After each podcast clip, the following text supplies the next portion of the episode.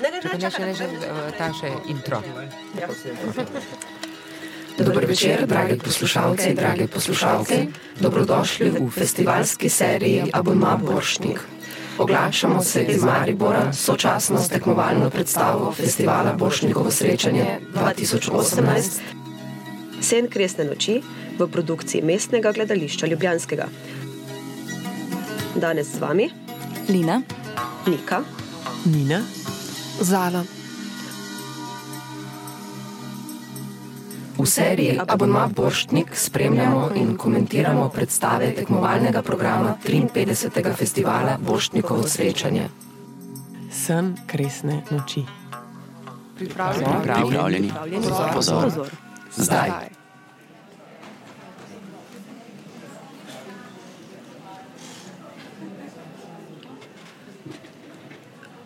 Zastor je odprt ob začetku predstave. Uh, na, na odru je, če sem prav preštela, deset miz, prekritih z belimi prti in rdeči, verjetno plastični stoli. Meni osebno deluje kot rahlo um, cenjena restauracija. Aha, zdaj pa je uh, na oder prišla Jete Ostan Vejrup v poročni obleki, šampanc barve z veliko bleščicami in se useda za sredinsko mizo. Občinstvo pravzaprav še vstopa v dvorano, tako da smo na meji, predstava se je in se hkrati še ni začela. Ampak recimo tebi, ki deluje kot poceni restauracija, mislim, meni pa deluje kot, a veš, tiste konferenčne sobe, ki pa jih najemaš za razne prireditve in tudi poroke, kar predvidevam, glede na to, kako je oblečena, da absolutno za poroko gre. Lahko bi rekli generični stoli in mize. Ja, čeprav generično meni pa prva asociacija na, ta, na, na Ameriko, nekako se mi zdi ta moja asociacija na Ameriko s temi um, kroglimi mizami, pa okrog šest stolov, pa ne se mi zdi meni tja prestav to.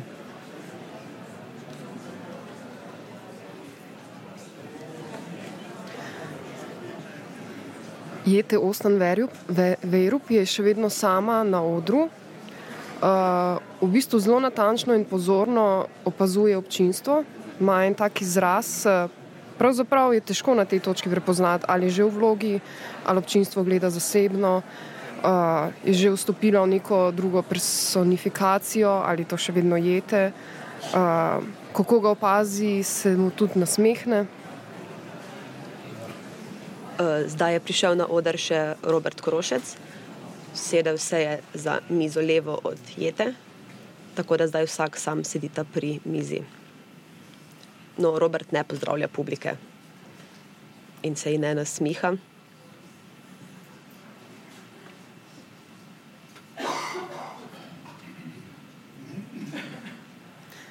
Zdaj občinstvo počasi zaznava, da se je predstava začela.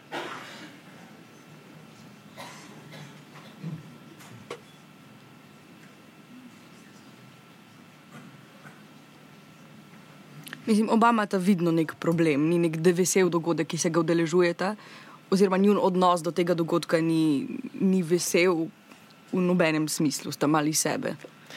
Kljub temu, da vidimo, da gre za nek dogodek, ker so na mizi uh, pribor, uh, kozarci, šampanjec. Uh, se pravi, se sprašujemo, zakaj sta odkot ta neka otožnost in zaskrbljenost. Uh, pravkar sta na oder prišla še Matej Puc in Jana Zupančič. Um, za Jano Zupančič bi isto lahko rekli, da je zaskrbljena, tudi ona je v poročni obleki. Uh, in Puc ji zdaj nadane um, vlečko in jo poljublja. On je zaenkrat edini, ki ima pozitivne emocije. Deluje zelo navdušeno v pričakovanju veselega dogodka karkoli ta dogodek pač bo. Ja, omenila si, da sta prišla na oder. V bistvu je um, občutek bil, da je Matej Puc pri, privlekel Jano Zapančič uh, za seboj. Ona je nekako bila bolj uh, nekak trda, nekako se je upirala, on pa je v bistvu uh, močno zgrabil z roko in jo, in jo nekako povedal do zadnje, tretje uh, mize. In res je od vseh uh, štirih igralcev, ki jih vidimo na odru, je v njem največ, največ veselja, navdušenja. Tudi uh, ravno, kar je Jan Zopančič um, uštipnil ulica, nekako hotel uh, vzbuditi, nekako jo ne se nasmehne, ampak ona je zelo, zelo resna. Zdaj se je iz zaodrja počasi vstopa v, na oder oziroma na uh, prizorišče še Aida Smrekar. Ima zelo počasno, graciozno hojo, v bistvu kot, kot da bi hodila proti oltarju. Um, in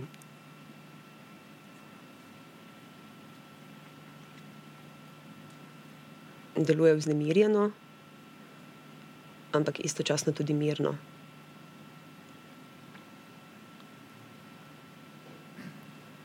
In tudi ona je v poročni obleki. Ja, prav počasi hodi med temi mizami, prav od zadaj, med mizami, prav počasi, kot da je na nek način, kot da je mogoče ja, v cerkvi, kot da hodi k oltarju. Zdaj že vidimo, da na nek način se spogleduje, oziroma lahko bi rekli flirta z Demetrijem, z Matejem Pucom, ampak še vedno zelo dvoumno.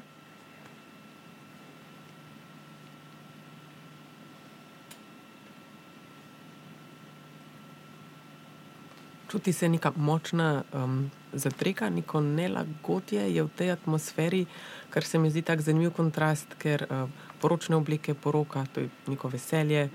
So ponovadi povezujemo ali so neke asociacije, uh, moje prve, um, tudi uh, cela ta um, uh, se pravi, situacija z mizami, šampanci, skratka, je uh, praznovanje, veselje, um, je uh, čutko prostora. Potem, ko če gledamo posamezne, če pogledamo posamezne ljudi, so pa um, zelo mešani občutki v kontrastu z um, pričakovanim vzdušjem. No, Ajda se je pravkar uh, pošalila, da vzame Demetrija, torej Mateja Pulca, za svojega moža, kljub temu, da je on očitno že oddan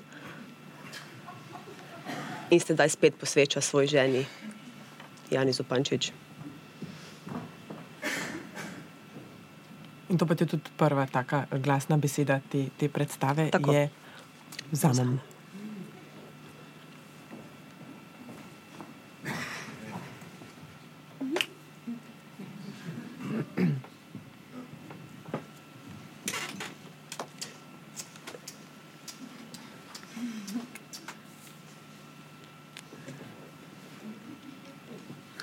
ampak jaz bi se mal navezala na to, uh -huh. da si rekla, da je očitno že oddan. Zato, ker po zgodbi in po v bistvu načinu, kako so razporejeni po prostoru, se mi zdi, da gre bolj, bolj trenutno za slavje, za poroko Tezeja in Hipolite, ki jo igra Jete in Primoš Pirnat. Ampak je recimo zelo zanimivo, da ti mladi pari, ki še niso oddani, da so recimo na tem slavju tudi v poročnih oblekah. Da so prišli na to slavje, kot da je tudi njihov poročni dan. Uh -huh. In se mi tudi zdi, da so že v fazah, ko se tudi med pari tako, um, um, ko se že med pari znotraj vzpostavi ta uh, dinamika. Uh, se mi zdi, da bi moralo biti uh, že ajdi jasno, kot je Puc nakazal, da mora sedeti za isto mizo kot Robert, um, tako kot on sedi zraven Jane. Ampak Ajda se je usedla zraven Hipolite, torej zraven Jote. Je, jete. In zanimivo je tudi, da govorijo v angleščini. Uh -huh.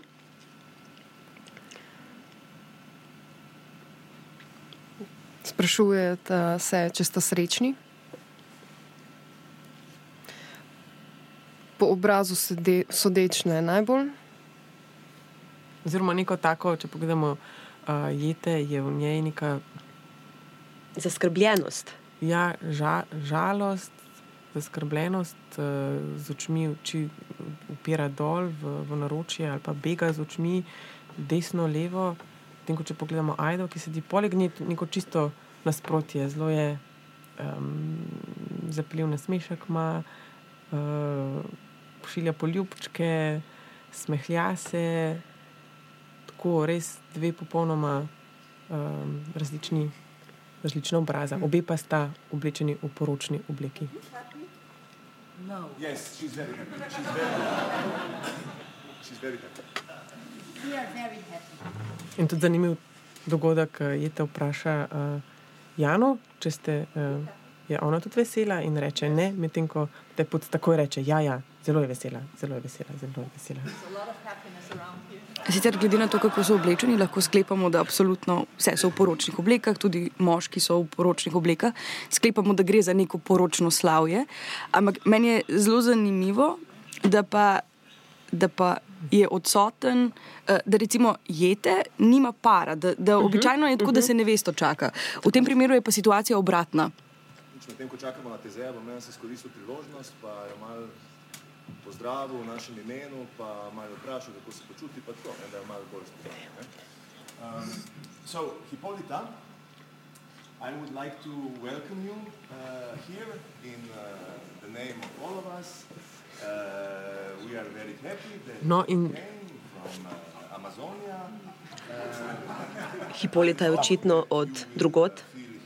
Um, Puc jo pravkar predstavlja um, tako publiki um, in njo peljuje v samo družbo in nagovarja jo v angleščini.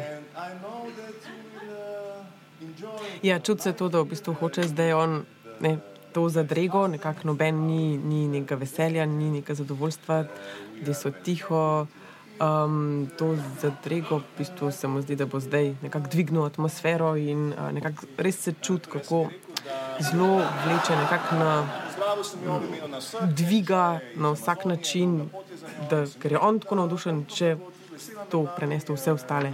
srečnimi ljudmi v naši lepi srečni državi in uh, čakajo čudovit mož, ne, naš vodja, Tezej in uh, upam, da In zdaj govori še v slovenščini, ker pač nagovor je bil prej v, v angleščini, uh, zdaj pa še prevaja za nas, za publiko. love you, Hermija. Ljubim te, Hermija. Ljubim te, Demeter. Ljubim te, Lisandro. Demeter, Demeter. Malo se hecala. midva. Aha, očitno um, se dogaja zadeva v Grčiji, tako kot v. Um, kaj ti puc uh, je pravkar uh, um, de, uh, Hipoliti povedal, torej jete, da bo govoril v grščini nekaj časa in potem začne govoriti slovensko. Nagovarja direktno publiko, iz česar mi lahko vidimo, da smo tudi mi svatje na tem slavju.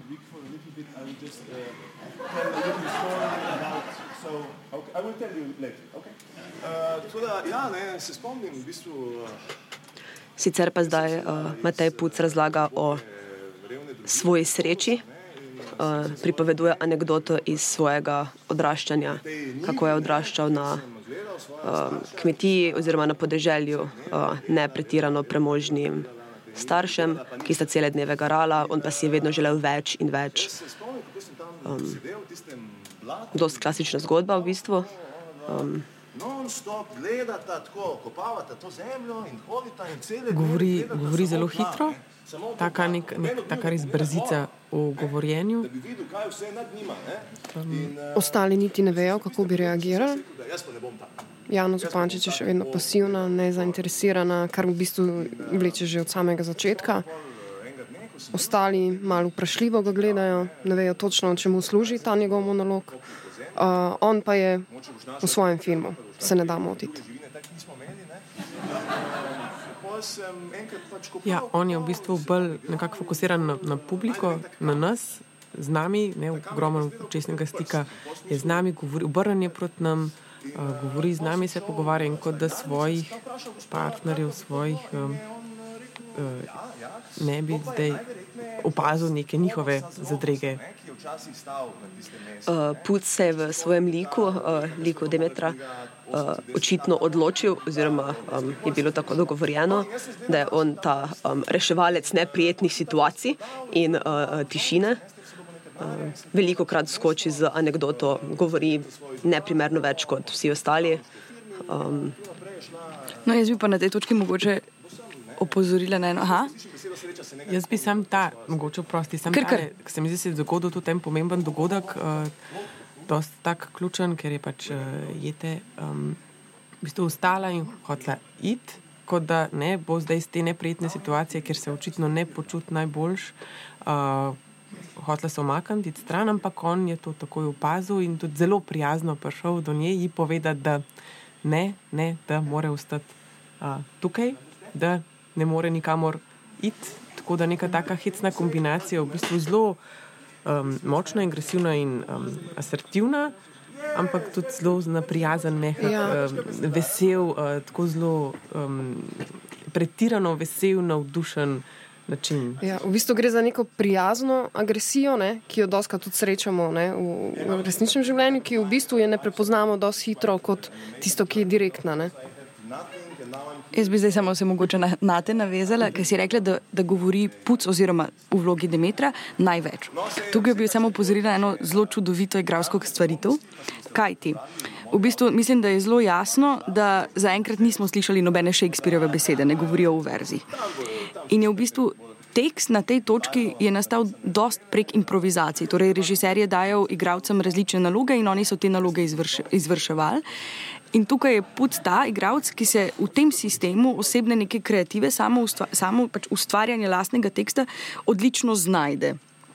In v bistvu, zakaj on govori največ na tej točki, je zgolj to, da to, kar je on prinesel, to domačo nalogo, ki je doma naredil, je pač bila vrhunska stvaritev. In jo je režiser lahko uporabil v, končni, v končnem produktu. So was it a long trip from Amazonia?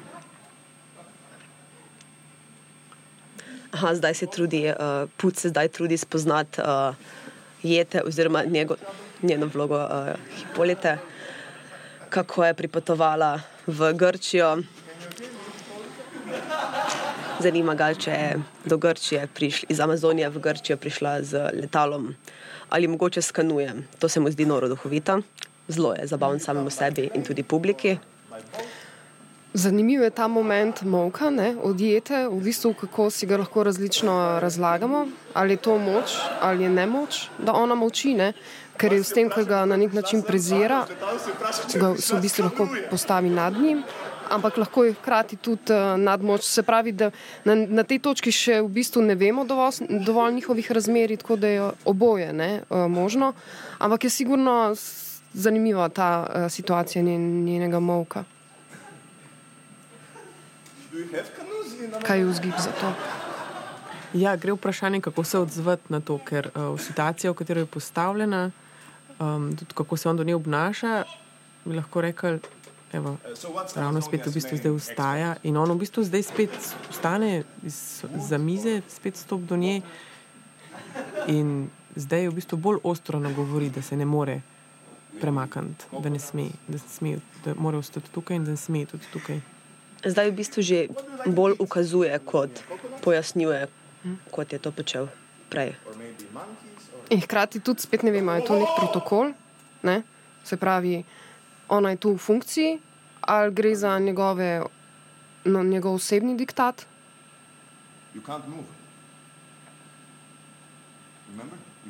Zdaj tudi reče, če učijo um, grško oziroma slovensko besedo, remember? reče razumem, če razume, da mora ostati tukaj in ona reče razumem.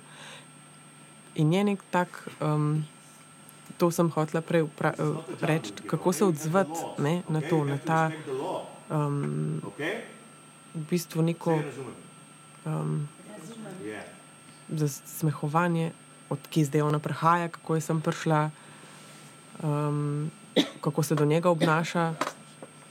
Ne, zdaj se v bistvu je čist sklonjen proti njej in jo sprašuje, če misli, da je neumna. In oglasi misli- se Jana Zupančič in odgovori, da ja. Če misli, da, misli, je on, neumen. če je on neumen. Če je on neumen, Ja, ja, ja. to, Sem rekla, to sem. To, če misli ona, da je on neumen, ja, sem napačen. Ampak recimo, zanimivo je, da izmed treh nevest imamo občutek, da sta dve tukaj popolnoma pod prisilo. V bistvu jete ni bilo, do, je sicer sama prišla v prostor, ampak oditi pa ne sme. Jano Zupančič je pa fizično privlekel v prostor puc oziroma v vlogi Demetra. Zgolj Aida za to svojo graciozno hojo, s katero je prišla v prostor, nam namiguje, da morda je pa le ona edina, ki ki se s tem dogodkom ali strinja, oziroma ni prišla pod neko prisilo, ali je s kakšnim drugim razlogom prišla.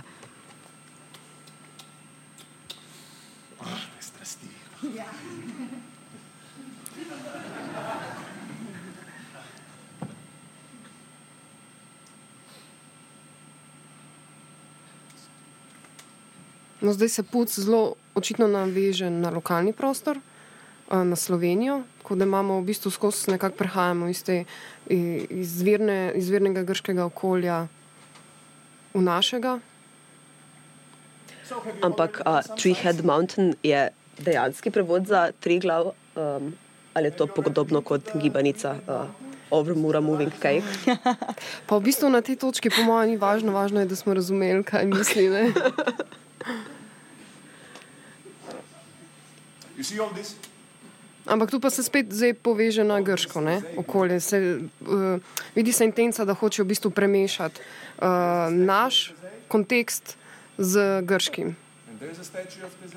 Istočasno pa je iz uh, Pucove predstavitve mesta jasno, da je Tezej njihov veliki, ljubljeni, cenjeni vodja, po katerem je poimenovano vse. In morda lahko tudi sklepamo, da je Tezej ta, na katerega čakamo. Tako.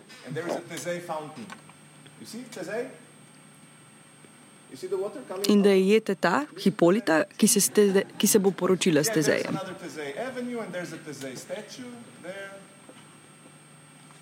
and There's another In zdaj stopi na oder Tezej, Vsi so vstali. Ki ga igra Primoš Pirnat. Hodi počasi, oblečen, v roki ima velik, velik, velik šopek, oblečen pa je v ogromen krznen plašč. Stopi brez besed.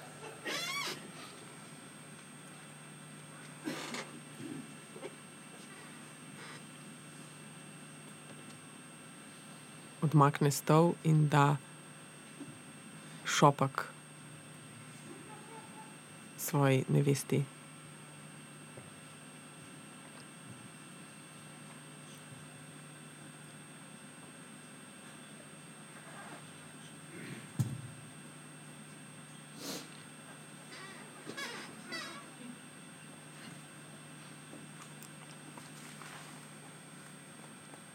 Zdaj vidi se, da se v sami situaciji takoj preusmeri ta lik avtoritete ne, iz Mateja Puca na Primoža Pirnata, iz uh, Demetrija na Tezeja. Se upravičujem. Sem imel uh, državni šef. On se usede z sredinsko mizo, tako da je njegova pozicija centralna, on je na, na sredini.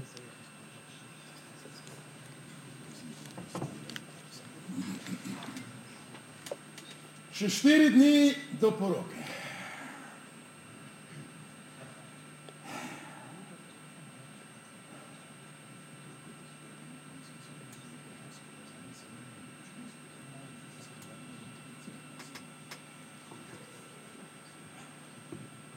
Kot sem rekel, še štiri dni.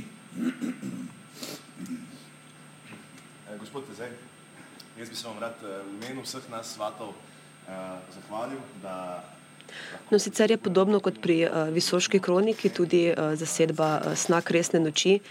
Uh, se stoji v bistvu iz velike večine Lorencijevih nekdanjih oziroma še sedanjih sodelavcev.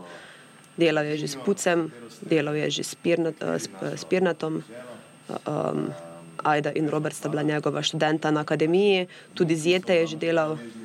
Um, tako da gre spet za um, nadgrajevanje um, dosedanjega skupnega dela že. Um, smo lahko tukaj z vama, ki sta naj vzor, eh, želiva stopati po vajnih stopinjah, slediti vajni poti in res eh, Zdaj nas nagovori sam Tezej, Primoš Pirnat, vstane, um, potrkal je s, s, um, ob kozarc, tako da zdaj vstavi nas nagovarja. Stoji tako, velik je mogočen, vice, da se vzame ogromen prostora, geste so velike, glas je glasen, tako stoji res okopano. In zanimivo je, da on nas nagovarja, um, uh, jete ostan, verup, ki pa sedi poleg njega, pa v bistvu mu, mu govori nekaj, ampak on je Govorimo v danskem jeziku, v danščini. mesta. Skratka, govorimo v danskem jeziku, go, govori, govori, ampak on v bistvu je ne, nekako um, ni pozoren na njo, on je fokusiran pač na nas in govori nam. Ja, ona pravzaprav govori z njim, a, oziroma mu nekaj komentira v svojem maternem jeziku. In gre tudi za to, da se ona tle prvič nekako uh, iz, uh, iz, izpostavi na nek način, ampak je zanimivo, da hkrati ne vemo, razen nje same, kaj, kaj govori. Vidimo, da je nekaj uh, konfliktnega, nasprotujočega, ampak uh, tako da slišimo zven, ne pa pomen. Ne? Tako da gre skoraj za neko tako napol kastracijo njenega upora. Ne? Ja, ampak v bistvu ne. ne. Rad bi povedal, da ljubim Hermijo. Tako da je zanimivo to poigravanje um, z jeziki. Ne, že takoj smo imeli in angliščino na začetku, in imamo slovenščino, ki se ji reče tudi, da je grščina. Um, sprav, ona govori v danščini, ta nek miks različnih jezikov, zvočnih je zanimiv element. Ni nujno. Kaj ni nujno? Ja, in to, kar ona govori o danš, danščini, je tudi ta pač en uh, podatek iz zakulisja. Um, Kot jaz vem, tudi oni ne vejo, kaj ona pove, in mislim, da namenoma noče tudi povedati njim. Lahko si mislijo, vsi si mislimo, ne? da je to nekaj sočnega, ne? kar v bistvu je v tistem momentu ona njemu govorila, ampak eh, naj bi bilo tako, da samo ona ve, kaj. Kom. Sedaj se je v bistvu zgodil en zelo pomemben trenutek za celotno zgo zgodbo, tudi po originalu. In namreč, namreč Robert Korošec je vstal v vlogi Lisandra in je rekel, da bi se rad poročil z Hermijo, ki jo igra Jana Zupančič. Hermija je pa za mizo z Demetrom in je bilo že prej zelo očitno, da, da sta ona dva ta, ki se bosta poročila in da je Lisandru zaobljubljena Helena. Helena je pa prej dajala znake, da je absolutno zaljubljena v Demetra. Torej, gre v bistvu za dva para, ki, so, ki se morajo po zakonu, kot je povedal Tezej, poročiti, ker je tako velel njihov oče. Ti pari pa med seboj niso zaljubljeni, oziroma so zaljubljeni v, na- v, v nasprotnega iz drugega para. Navzkrižno, ja. Navzkrižno, ja. Ja.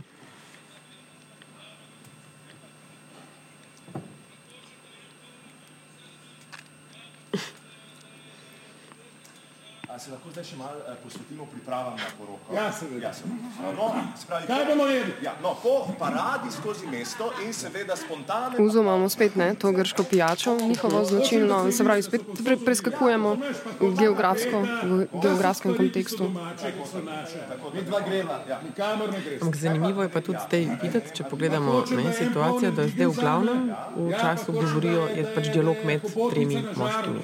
Se pravi, um, tudi to ustaja, seda, so to um, moške, moške figure, oni se pogovarjajo med seboj, um, medtem ko vse tri ženske, vse tri neveste sedijo vsaka za svojo mizo in so um, tiho. Slabo. Ampak trenutno recimo spremljamo, kar smo zdaj ugotovili, tri pare na odru, ki so absolutno v tem nesrečni. Noben par noče biti skupaj. Ali So, vsi pari so v bistvu prisiljeni v to, da so, da so v bistvu s tem, iz, ki jim je bil izbran. No. Je pa res, da so nekateri bolj sprijaznjeni s tem, s kom se, jim, s kom se bodo poročili, kot recimo um, Tezej um, in Puc, uh, torej uh, Primoš Pirnat uh, in Matej Puc. Um, delujeta še najmanj nesrečno oziroma relativno sprijaznjena, zadovoljna, mogoče celo s tem, kaj se bo zgodilo v njunem zakonu. Um, zdaj. Kaj boste šli po grmovčkih skakljalčkah? ali Kaj, kaj boste šli? Eh, No, pa pa bi že začeli malo s kulturnim programom. Ne. Jana Zupančič uh, v vlogi Hermije je zdaj ravno rekla da ne nekaj zapoje. Ozadju, ali da se kar pesiš? Ne, to ne se že igra, Sicer mi se hajamo, ne Ajda Zupančič, um, Ajda Smrekar uh, v vlogi Helene predlaga naj zapoje uh, pesem Helena, odkot lepote tvoje. Ampak, recimo, ki si komentirala, da Demeter ni nesrečen v tem. Sej, on je v bistvu edini, ki ni na vzkriž zaljubljen. In Tezej je enako, ki ni nesrečen, tem, ni na vzkriž zaljubljen. V Demetra je zaljubljena Helena, ki jo igra Aida Smrekar. Demeter je pa zaupljubljen Jani Zupančič, ki igra Hermijo. V Hermijo je pa zaljubljen Lisander, ki pa mora biti poročen za Aido Smrekar, ki igra he, eh, Heleno.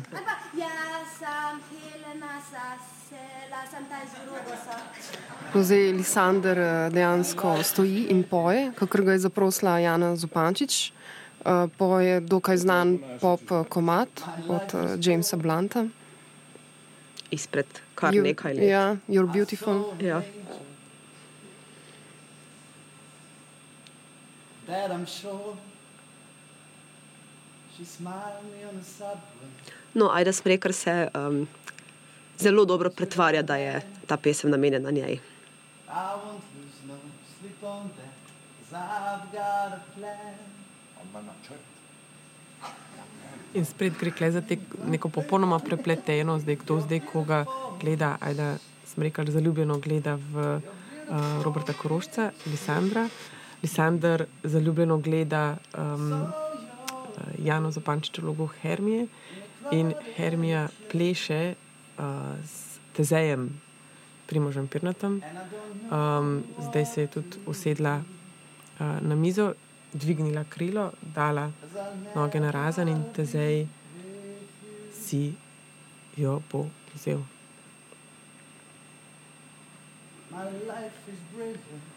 Predvsem, in ne, predvsem pa pred svojo nevesto. Vsi se delajo, da ne vidijo in hkrati gledajo.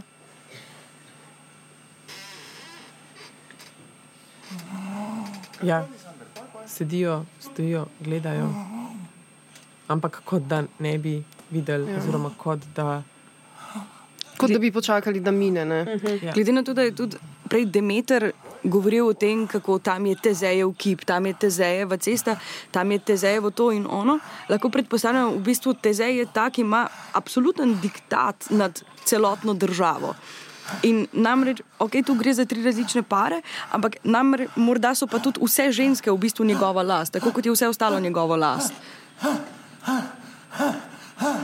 Je pa zanimivo, da recimo Jana je bila um, v lo- v vlogi Hermije je bila fizično privlečena v prostor, v prostoru si ne želi, ne želi biti in to je nek prvi premik, ki ga je naredila, ampak ga je naredila ne, ne po klicu, ne pod prisilo, sama je šla do Tezeja. Je pa sicer to naredila v momentu, ko je začel Lisander pet balado. Se pravi, da gre za neko uh, komunikacijo z njim, oziroma nek upor. odgovor, Ja. odgovor prek Ja. ja. dejanja, zelo sicer radikalnega. Ne? Ja, po drugi strani tudi uh, Tezej, pač ja, človek na oblasti, človek z neko karizmo, ne, so vedno ljudje, ki uh, so na nek način magnetne. In zdaj, mogoče to v pretirani obliki, ampak parafraza je sigurno pride do tega, da si, um, da, da si lahko marsikdaj polastijo uh -huh. ženske. Ne.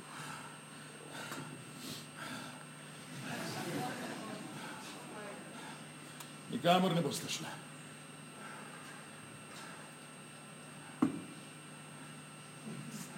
Jaz sem to gesto, mislim, pomislila sem, ne, celo, k- probala sem jo brati, zakaj, kaj je bila njena motivacija zadnja, ali zakaj je zdaj to storila. Ne, sem v bistvu razmišljala, ker pač pred tem, eh, pred, pred tem eh, dogodkom je, je, je bila beseda okrog tega, da vse mogoče bi se dal spremeniti zakon ali da bi se dal drugače dogovoriti, kdo se s kom poroči, kar je te zdaj uh, gladko in močno in odločno v bistvu um, zanikal, rekel, da to pač ni mogoče. Uh, in potem je ona rekla, uh, Lisandro, da je zapoj, zapoj nekaj, kot da bi ne, nje, nek, nek stik med njima se je vzpostavil. In jaz sem pol to nekako videla, da je um, ona izvedla zdaj to akcijo, te zdaj, oglej, tukaj se ah, neka hecna, to bom zdaj tudi jaz sama sebe uh, naredila, mogoče zato, da bi spremenila njegovo voljo. Ampak recimo, Mislim, ona na tej točki. ne, nek, čut, težko je pač razbrati, kaj, ne vem, kaj, probam razmišljati, kaj bi. Ona na tej točki je v bistvu edina izmed teh štirih mladih, ki, ki ni izpovedala svoje ljubezni nikomur ali pa nakazala tega. Medtem, ko so vsi ostali očitno zaljubljeni, dober Demeter, ki ga igra Matej Puc, je mm, z raznimi poljubi, ki jih je dal Jani Zupančič, mogoče nakazal, da, da, da ta je njegova. Vprašanje pa je, glede na karakter, ki nam ga je do zdaj pokazal, ali je to res neka ljubezen, ki jo dejansko goji. Ampak v vsakem primeru ostali trije so nakazali, n- nakazali na to, da, da so si nekoga izbrali. Medtem ko je ona edina, ki ne. Ampak meni se um, poraja vprašanje, ali je mogoče, da je, glede na to, da je že tako ali tako veliko spremenjeno od uh, izvirnega besedila, ali so mogoče v to spremenjeni tudi odnosi, da Ja, je ja, v ja. bistvu um, Hermin. Hermija uh, zaljubljena v Tezeja in da mogoče tudi zato ni hotela priti.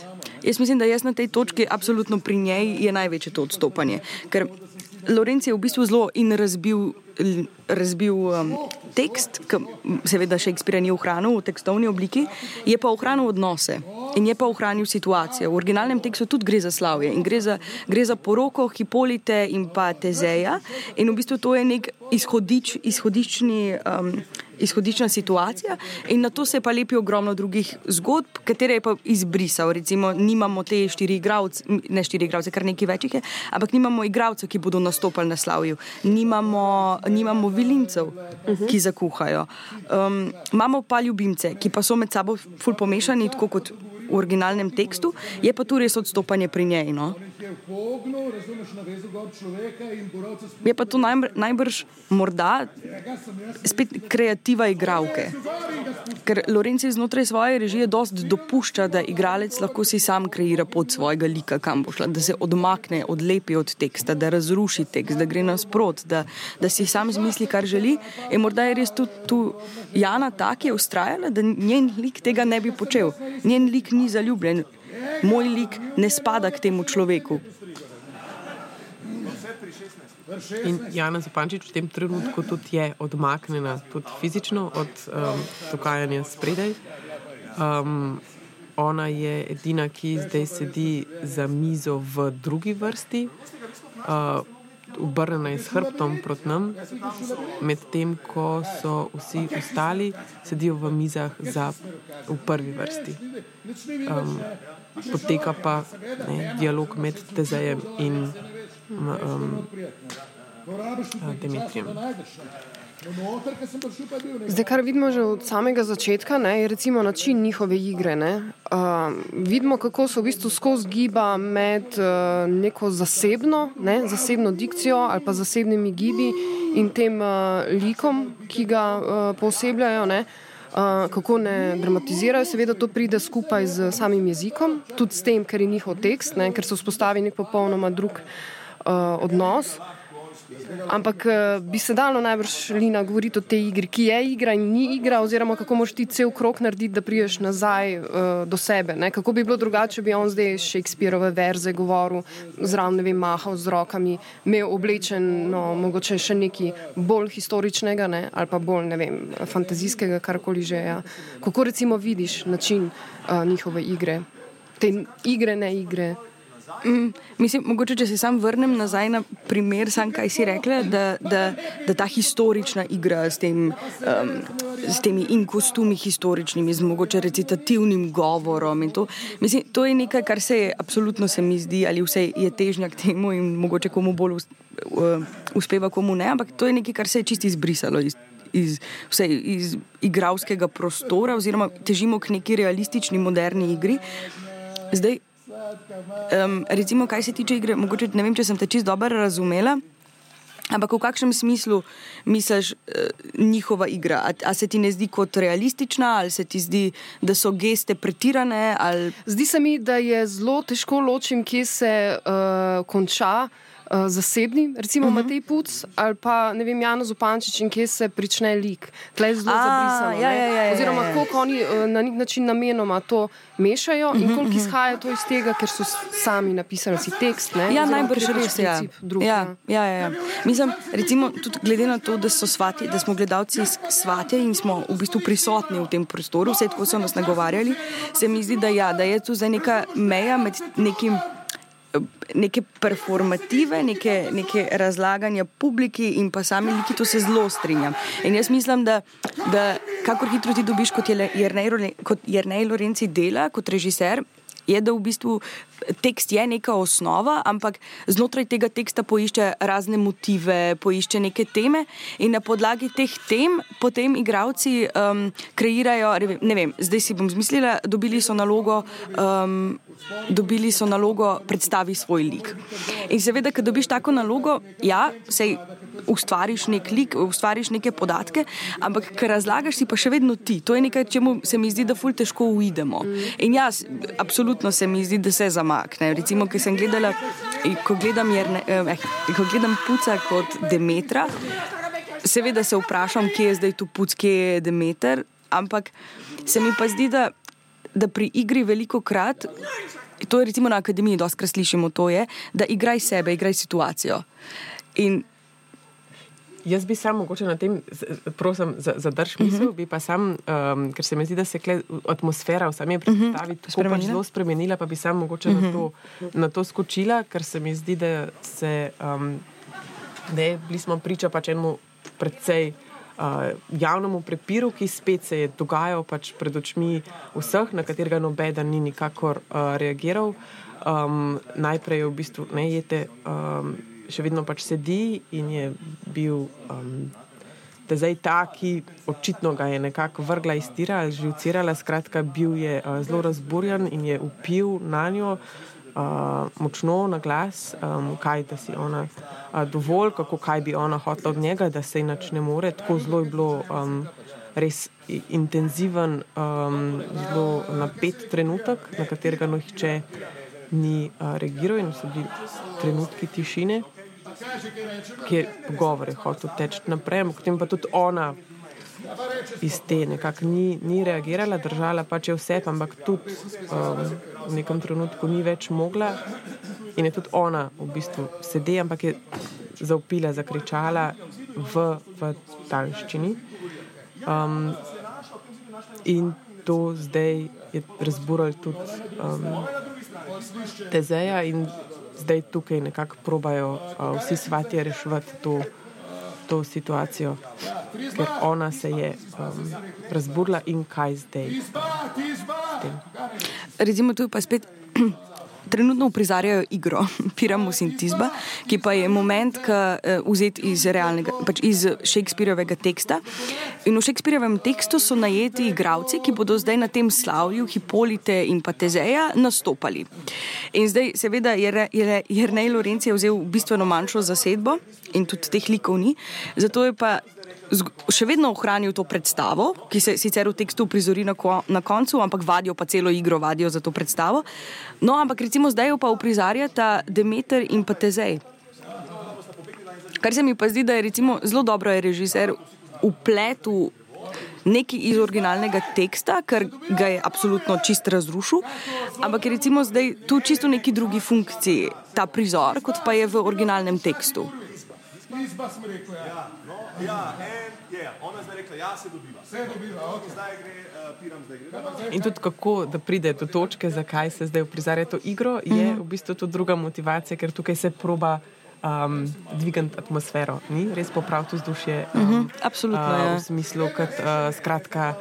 Uh, Vidva sta se ne, uh, skregala, očitno je pač velik tenzije med vami, dej, med vama dvema, da imamo um, s čim lahko, kaj lahko. Uh, kaj lahko drugega um, se spomnimo, kaj naredimo, da imamo igra, igra in tukaj spet um, na tej poti, ki vodi, vodi to. Um, temu reševanja situacije, oziroma ne reševanje, zanikanje, bežanje stran. Ampak recimo um, tu se lahko zdaj spet navežem na igro, ker recimo po originalnem tekstu on, predispozicije so dobili vsi enake. V bistvu vsi štirje ti liki teh zaljubljencev imajo enako močne karakteristike. Mislim, seveda, en je malo bolj romantičen, recimo, ali pa ne vem, tukaj kot vidimo Demetra, Metaja Puca v vlogi Demetra, ki, je, ki nekako vodi to vse skupaj. Sej, te te pred, predispozicije je Demeter kot lik že imel. Ampak na tej točki smo res videli zgolj Puca, ki, ki, ki ima vajeti v rokah. On, on je gonilna sila tega, seveda tudi Tezej, ki je zdaj prišel, ampak on je trenutno gonilna sila celotnega dogajanja na odru. In jaz mislim, da je tudi zdaj to, da tu se pa gre za igralsko kreativo. Da, so, vem, da je to nek format, ki ga je vzpostavil Lorenci, ki lahko sam kreiraš, kaj boš. Poznaš zgodbo, poznaš odnose, poznaš situacijo, nekam to moramo pripeljati, zdaj pa piči, improviziraj. In puci, recimo, taki lahko v tem zelo dobro raste. Nekat, nekateri drugi pa ne morajo.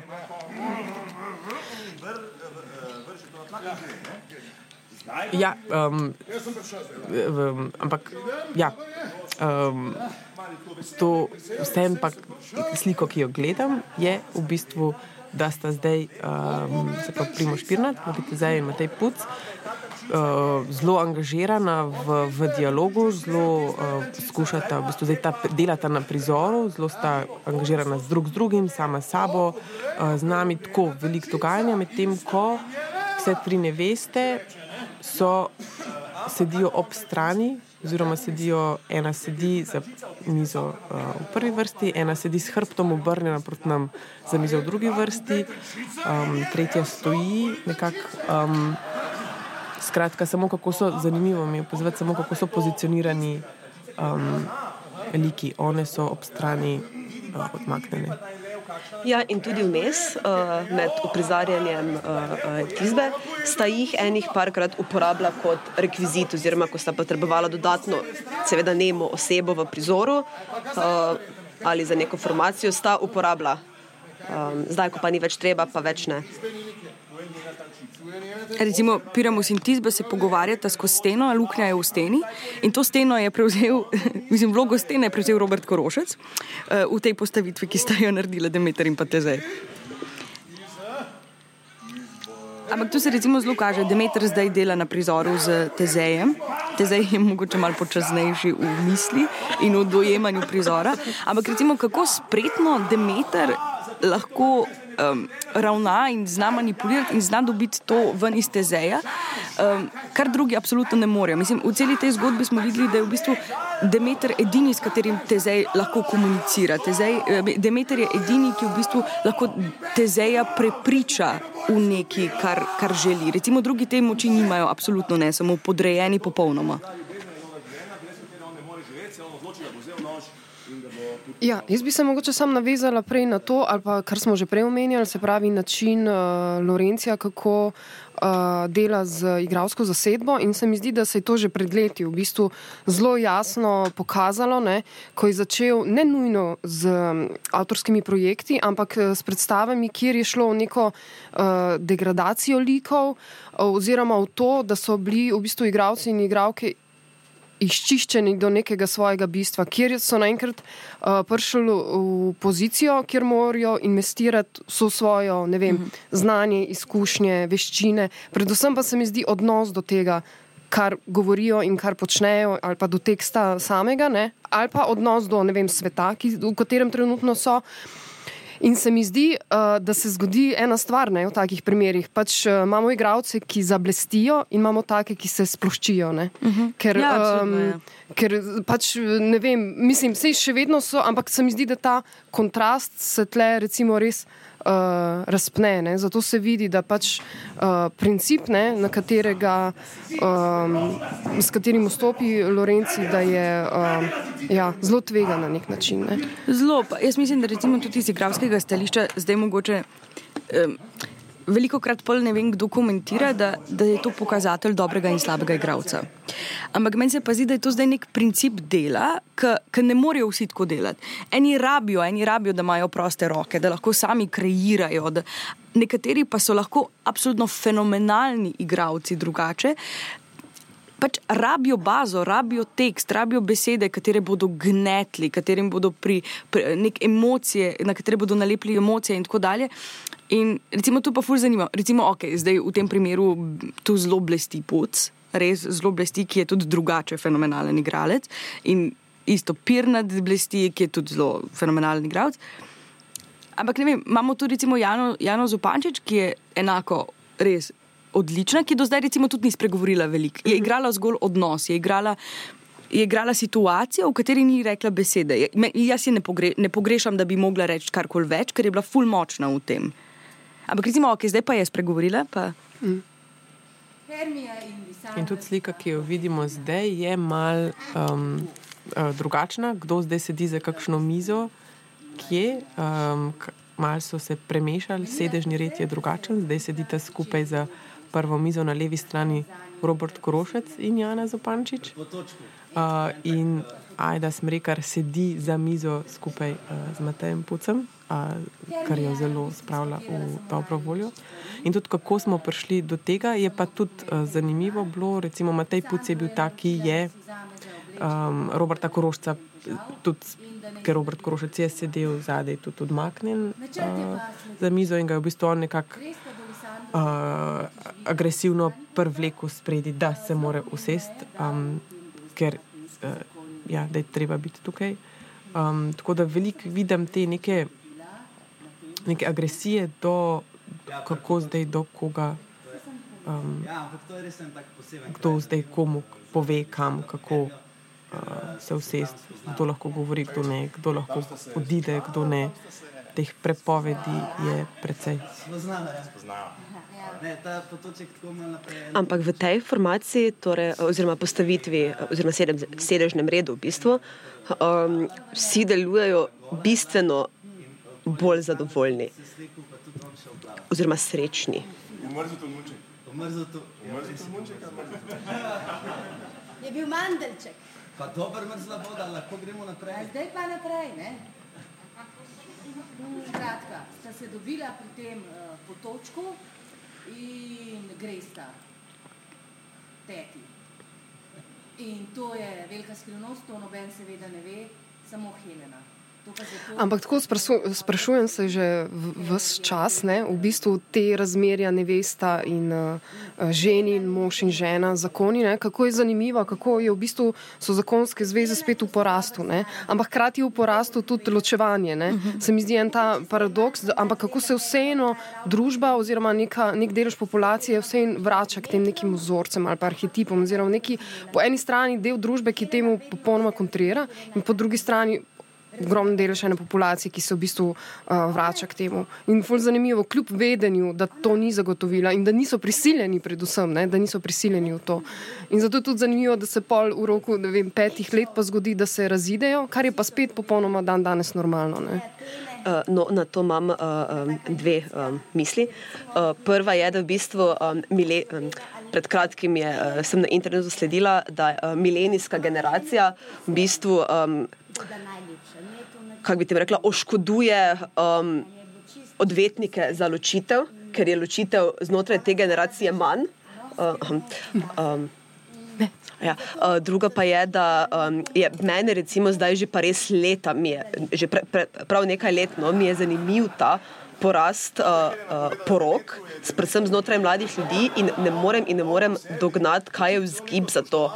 Ali se, je mogoče to povezano z nestabilnostjo mladega človeka na uh, službenem oziroma kariernem položaju in da potem investiraš v niti ne odnos, ampak v ta en dogodek, da um, imaš nekaj stabilnega, da imaš vsaj to, um, kar lahko odkljukaš ne, iz svojega seznama v življenju. Um, ampak ker niti več ne gre za to, da bi se poročil, torej da greš na uh, matični urad in podpišeš svojo pričo. Um, uh, um, Pogodbo. Pogo, tako pogodbo zakonski zvezi ali kaj že pač to je.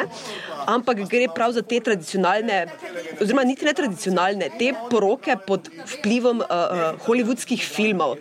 Ogromna bela obleka z ogromno vlečko, štiri uh, uh, uh, družice v eni izmed pastelnih barv, nar- največkrat je to barva sivke, vsaka v svojem kroju, ampak še vedno v nečemer podobne.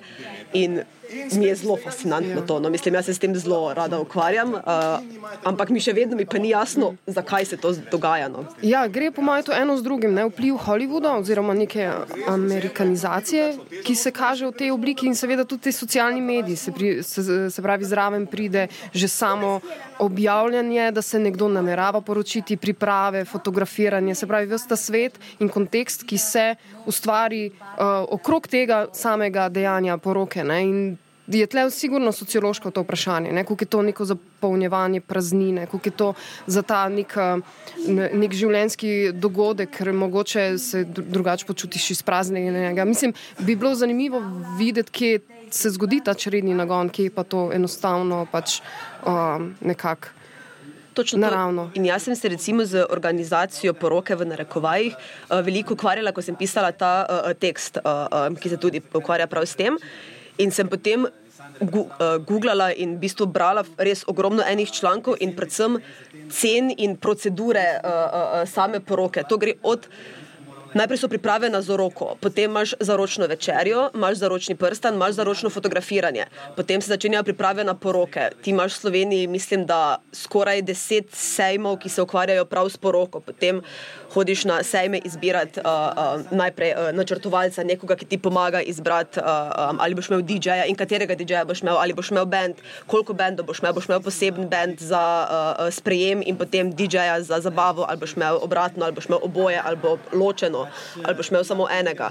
Do potem tega, da pridemo do cen poročne obleke, ker izposoja torej za en dan poprečju stane 500 evrov. Pa to so zelo pre, mislim, to so pre, relativno preproste obleke, to ni vlečka, ki jo ima Aida Smrekar in um, full energy. Swarovski, Tako, tako ja. kristali. To je zelo preprosto. Do fenomena, kako kar naenkrat, ko nekdo izreče v kompletu, ne vem, poročen prstan, poročen šopek, se cena potroji. Ena znanka mi je razlagala, da uh, je šla kupovati poročen šopek in je točno vedela, katere rože želi v šopku. In gre v svetlečarno, reče: Jaz bi imela, ne vem, zdaj pa si bom zmislila rože. Poročen šopek iz ne vem, treh lili, pa malo vrtnic, pa malo ne vem. Uh, nagličkov in je bila cena 60 evrov. Gre v drugo cvetličarno, pove, da bi imela enak šopek z enakimi rožami, ampak ne pove, da je za poroko. In je bila cena 12 evrov. Ogromna razlika. In tudi, če pogledamo, vem, kolekcije zaro, eh, poročnih in zaročnih prstanov, to je najbolj običajen prstan, ki si ga lahko človek zamisli. Ampak samo zato, ker gre to za neko inicijacijo v družbo, spet na rekovajih, je to spet cena bistveno dražja, kot če si kupiš ročno narejen unikaten prstan z nekimi detajli. In je v bistvu verjetno tudi to ne, um, ogromna tržna niša. No, ampak zaradi vsega tega, kar poroka prinese, je poroka zelo dobra. Uh, Stvar za uprizoritev gledališko. V bistvu že mi smo, recimo v našem letniku na akademiji, imeli, mislim, da tri poroke. Tudi Lorenci je, um, kot, kot cela predstava se dogajala na poroki. In tudi Lorenci je recimo zdaj vzel ta. V originalu se Shakespeareova drama dogaja in v gozdu, in na vajah gledaliških, in vse posod. On je pa čisto vse predstavil na poročno slavje. Zato, ker je to res en taki dogodek, ti, na katerem se lahko prvič pride ogromno problemov, ogromno trenja, ogromno odnosov se lahko pokaže. V bistvu je en res tak dogodek, dogodek ki je gledališko tako zanimiv in toliko stvari se lahko obrne, da je nekaj, kar tudi mislim, da pogosto kar uprizarjajo. Mislim, da sem videla kar veliko porok no, na odru. V smislu, da se tudi Svadba, celotno drama. poroka, ohce. Tudi Lorenci ima zelo rad, ja. ja, ja. porok kot prizorišče za celotno dogajanje. Ja. Je poceni. Ja, zanimiva ta fascinacija um, s poroko in tudi s poročnimi uh, oblekami, ki smo tudi ugotovili, da se so nek, neka rdeča nit. Da sem jaz sam šel sploh nikjer nisem videl. Spimo! Lepo! Demeter je zaspal čiste vesti, to. Ja. Demeter, In, in Helena tudi, ker Helena gre tudi Demeter, na, Demeter, na gor z Demeter. najbolj. V bistvu v originalnem tekstu je zdaj ravno ta prizor, ko grejo v gost in se razbežijo, ker v bistvu oba para hočeta po, zbe, pač Vsi hočejo zbe, zbežati, da bi lahko zb- zbežali od tega zakona, da se morajo poročiti z osebo, ki jo ne ljubijo. In potem se, pač, ne vem točno, kdo gre prvi v gost, ampak kakorkoli in tam se vse zbrklja, tudi zaspijo, eh, pride potem en mm, niš kratke in v bistvu pokapa v oči ljubezenski napoj in se pol zaljubijo še bolj na robe in tako naprej. Ampak recimo v Lorencijevi celotno to zgodbo iz Shakespeareovega teksta zdaj pripovedujejo za mizo. Torej, ni da bi to dejansko prizorili, ampak v bistvu gre spet, tako kot si prej navezala na tip igre. Ne? Je v bistvu pripovedujejo nam, je nek, je, so v vlogi pripovedovalca, igrajo ja, jasno, igrajo nekaj blizu sebi, ampak je res, ko si ujet, si kar čist drugače igraš. Če igraš neko intimno zgodbo, kjer imaš na odru, ja, se te gleda publika, ampak igraš z enim človekom in igraš, kot da si v prostoru z enim človekom. Tukaj pa oni igrajo z vedenjem, da je na svadbi še 100-200 drugih ljudi in igrajo za njih. In karkoli izrečejo, je pred njimi, za njimi in absolutno ja, spremeniti igre popolnoma. Ja, ampak to je super, da si umenila, ker to uh, se zgodi recimo pri izbranih predstavah, uh, zopet pri uh, Visoški kroniki. Uh -huh pri Lorencijevih drugih predstavah, uh, ko se pogovarjamo o tem, o njegovi Stenica, igri igri, ja, se pravi odr znotraj odra, kako uh -huh. soigravci, soigravke postanejo del občinstva oziroma uh, ja, občinstva. In kako oni vedno igrajo nam in hkrati igrajo uh, njim na odru. Ne? In v bistvu tudi obratno, kako, kako gledalci postanejo igravci za res. Ja. In, um tudi zaradi enega problemčka sta se v bistvu znašla v tem gozdu in sicer zaradi poroke med uh, Tezejem in Hipolitom. Pač uh, Titanija bi rada preprečila to poroko, ker je malo. Tudi zanimiv je način, kako pripovedujejo to zgodbo. Tukaj.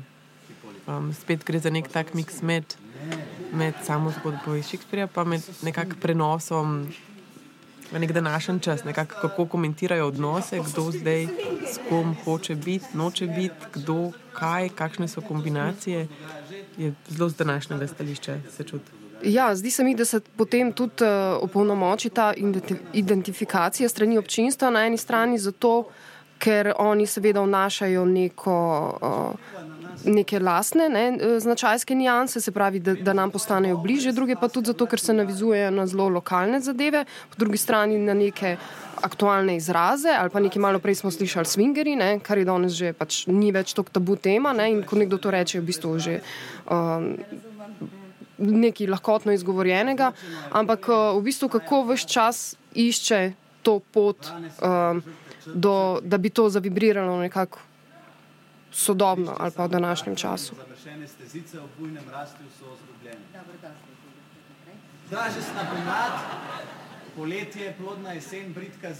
Tu imamo recimo tudi moment, ko Robert Korošec dobi res eh, neko uh, časovno obdobje za svojo uh, pripoved.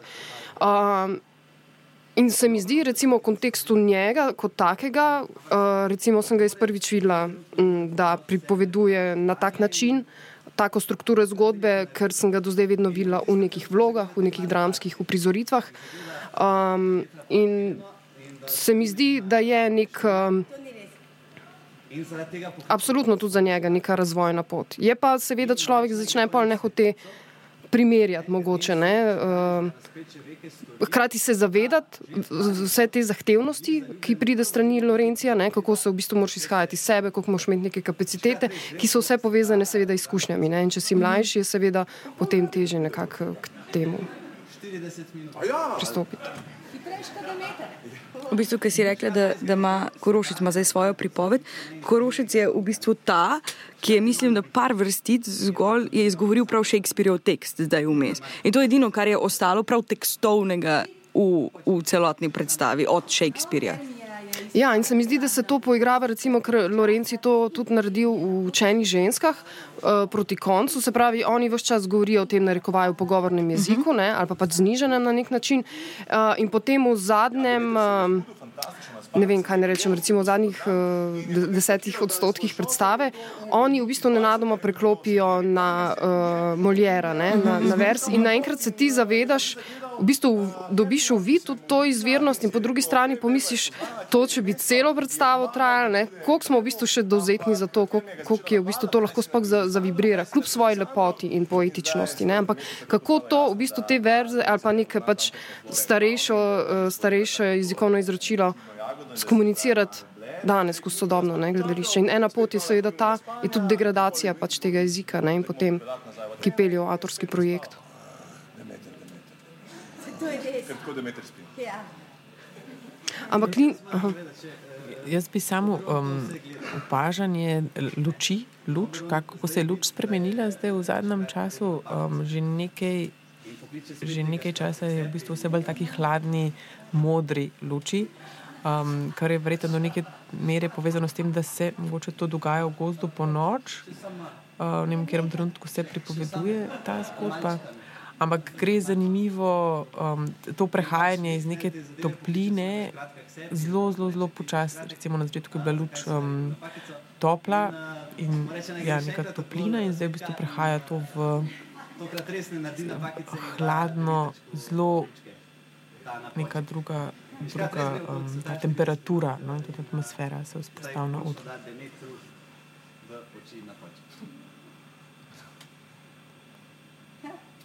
No, zdaj recimo prihaja ta moment, ki bo pa prek te neke pripovedi, ki v bistvu v, v tekstu originalnem, ki sem že prej omenila, je ta, um, zdaj da ne razlagam vseh teh gozdnih škratov, na, na, na, na, na.